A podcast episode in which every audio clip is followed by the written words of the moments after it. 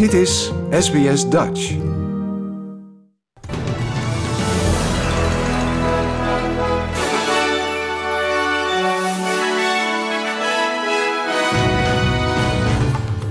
Dit zijn de headlines van het SBS Dutch Nieuwsbulletin van zaterdag 11 juni. Minister van Defensie Richard Miles in Singapore voor gesprek over veiligheid in Indo-Pacific. Oekraïne pleit voor meer steun na meerdere ziekteuitbraken in Mariupol. En voormalig advocaat van Donald Trump aangeklaagd.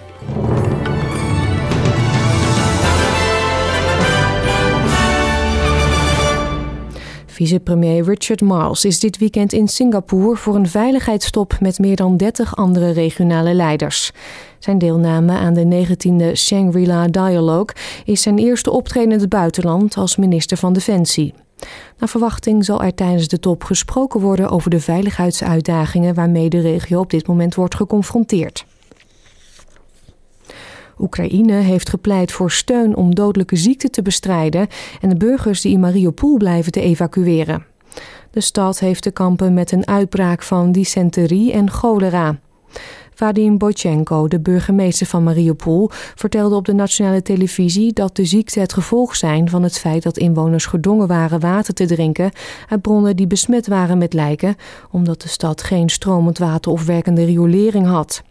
Bochenko dringt er bij de Verenigde Naties en het Internationale Comité van het Rode Kruis op aan om een humanitaire corridor op te zetten. Op deze manier zouden de overgebleven inwoners de stad, die nu onder Russische controle staat, kunnen verlaten. Oekraïne zegt dat er nog steeds zo'n 100.000 mensen in de stad zijn. Voor de oorlog telde Mariupol ongeveer 430.000 inwoners. Mensenrechtenactivisten zeggen teleurgesteld te zijn over een beslissing van het Hoge Rechtshof die het Verenigd Koninkrijk in staat zal stellen vanaf volgende week asielzoekers naar Rwanda te sturen.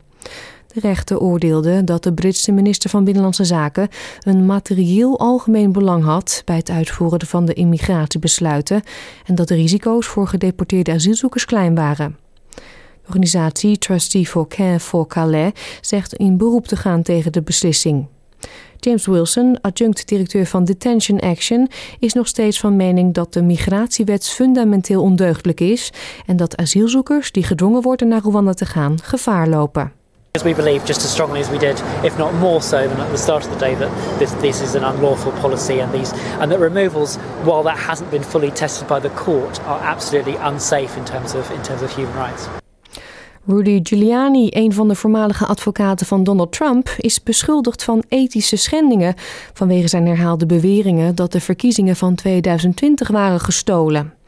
De Office of Disciplinary Counsel heeft de aanklacht ingediend en beweert dat de reeks documenten die Giuliani in 2020 bij een federale rechtbank in Pennsylvania heeft ingediend, de ongegronde beweringen bevatten dat de uitslag van de verkiezingen onwettig was.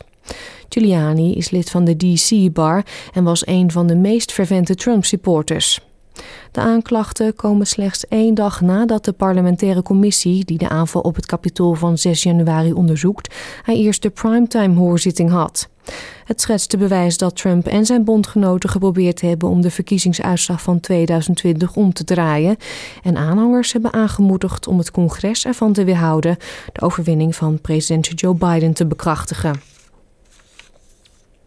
Leiders van Latijns-Amerikaanse landen hebben tijdens een migratiekwestietop een pact gesloten met de Verenigde Staten. Het pact, de Verklaring van Los Angeles genaamd, is gepresenteerd als een routekaart voor landen om grote aantallen migranten en vluchtelingen op te vangen. De Amerikaanse president Joe Biden zegt dat dit nog maar het begin is van inspanningen om de migratie van en binnen Amerika te beheersen.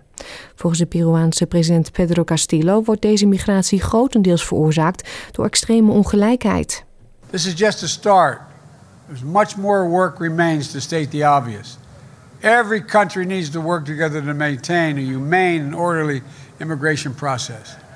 To invest in securing the borders, screening and registering migrants who enter their countries, and repatriating those who do not qualify to remain. I hope more countries will see the potential for joining the Los Angeles Declaration. De Verenigde Staten zijn sinds 2017 de populairste bestemming voor asielzoekers. Maar ook Colombia en naburige Zuid-Amerikaanse landen verlenen onderdak aan miljoenen mensen die Venezuela zijn ontvlucht. Mexico bijvoorbeeld heeft vorig jaar meer dan 130.000 asielaanvragen afgehandeld, veelal van Haitianen, een verdrievoudiging ten opzichte van 2020. De stad Biloela in het midden van Queensland viert dit weekend feest nu het Tamil asielzoekersgezin is teruggekeerd na vier jaar in vreemdelingenbewaring. De familie Nadesalingam zal naar verwachting vandaag het multiculturele Flourish Festival bijwonen en morgen de vijfde verjaardag van hun dochter Tani vieren. De familie kon dankzij een overbruggingsvisa terugkeren naar Biloela. Met dit visum mogen ze in de gemeenschap verblijven, terwijl de nieuwe Labour-regering hun aanvraag voor een permanente verblijfsvergunning in overweging neemt.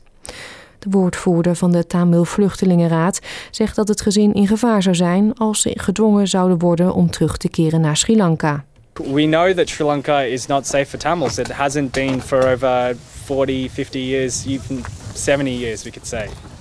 Our homeland of Tamil Elam is occupied. There's one soldier for every six civilians.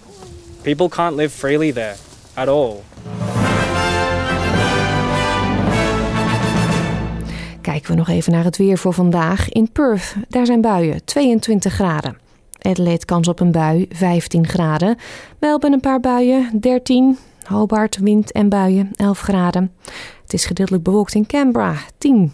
In Wollongong trekt de wind aan, maar schijnt de zon, 15 graden. Ook in Sydney wind en zonneschijn, 16. Newcastle zonnig, 17. Brisbane veel zonneschijn, 18 graden. Cairns overwegend zonnig, 25. En ook in Darwin schijnt de zon en daar wordt het 31 graden.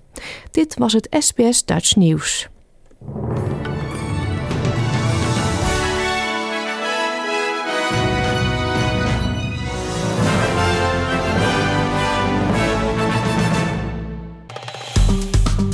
Like, deel, geef je reactie. Volg SBS Dutch op Facebook.